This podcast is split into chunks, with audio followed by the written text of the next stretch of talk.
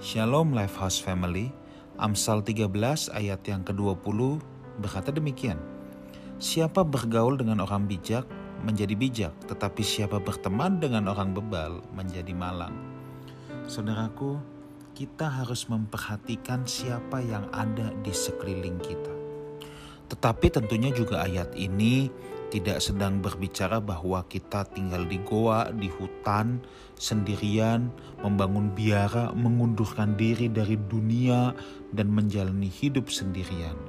Tidak ya saudara, sebab bagaimanapun kita punya panggilan untuk menjadi garam dunia. ya. Dan agar garam itu berguna harus keluar dari tempatnya. Kita perlu berhubungan dengan orang dunia tetapi cara kita menjalani hubungan itu sangat penting. Ayat yang kita baca tadi, saudaraku, berkata bahwa jika kita bergaul dengan orang bijak, kita akan menjadi bijak. Tetapi siapa berteman dengan orang bebal menjadi malang. Artinya apa?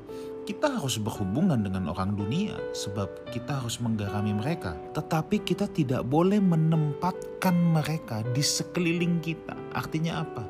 Kita tidak boleh menempatkan mereka di dalam komunitas kita atau menjadi orang-orang yang kita percayai untuk bersama-sama sering dalam waktu bersama kita mintai pendapat kita mintai pertimbangan, ini sulit kalau kita dengan orang-orang yang bebal, saudara. Maka kita pun akan menjadi bebal, ya.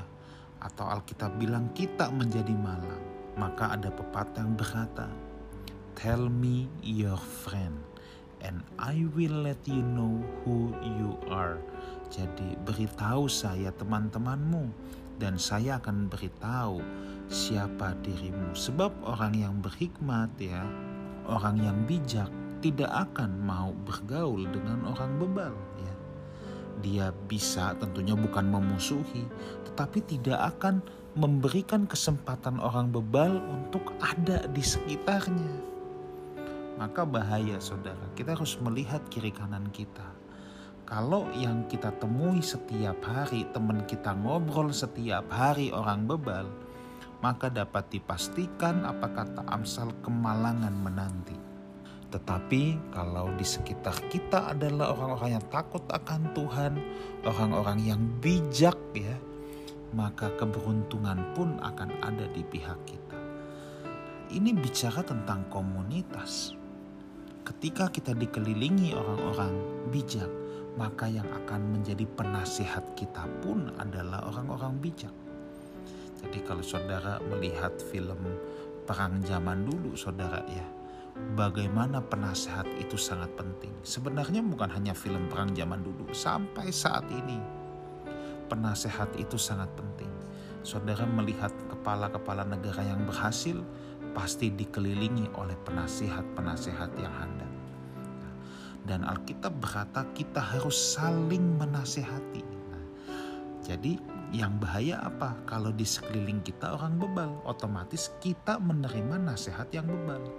Tapi ada jenis kedua saudara yang tidak kalah bahayanya, yaitu orang yang tidak bisa dinasehati lagi. Dia ngapain pun sendiri, dia tidak pernah mau mendengar apa yang orang lain katakan.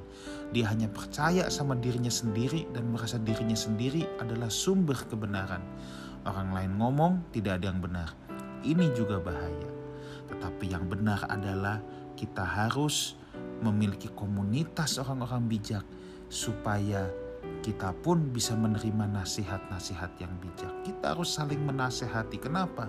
Ketika kita bisa mendengarkan nasihat orang lain, itu tandanya kita masih memiliki kerendahan hati.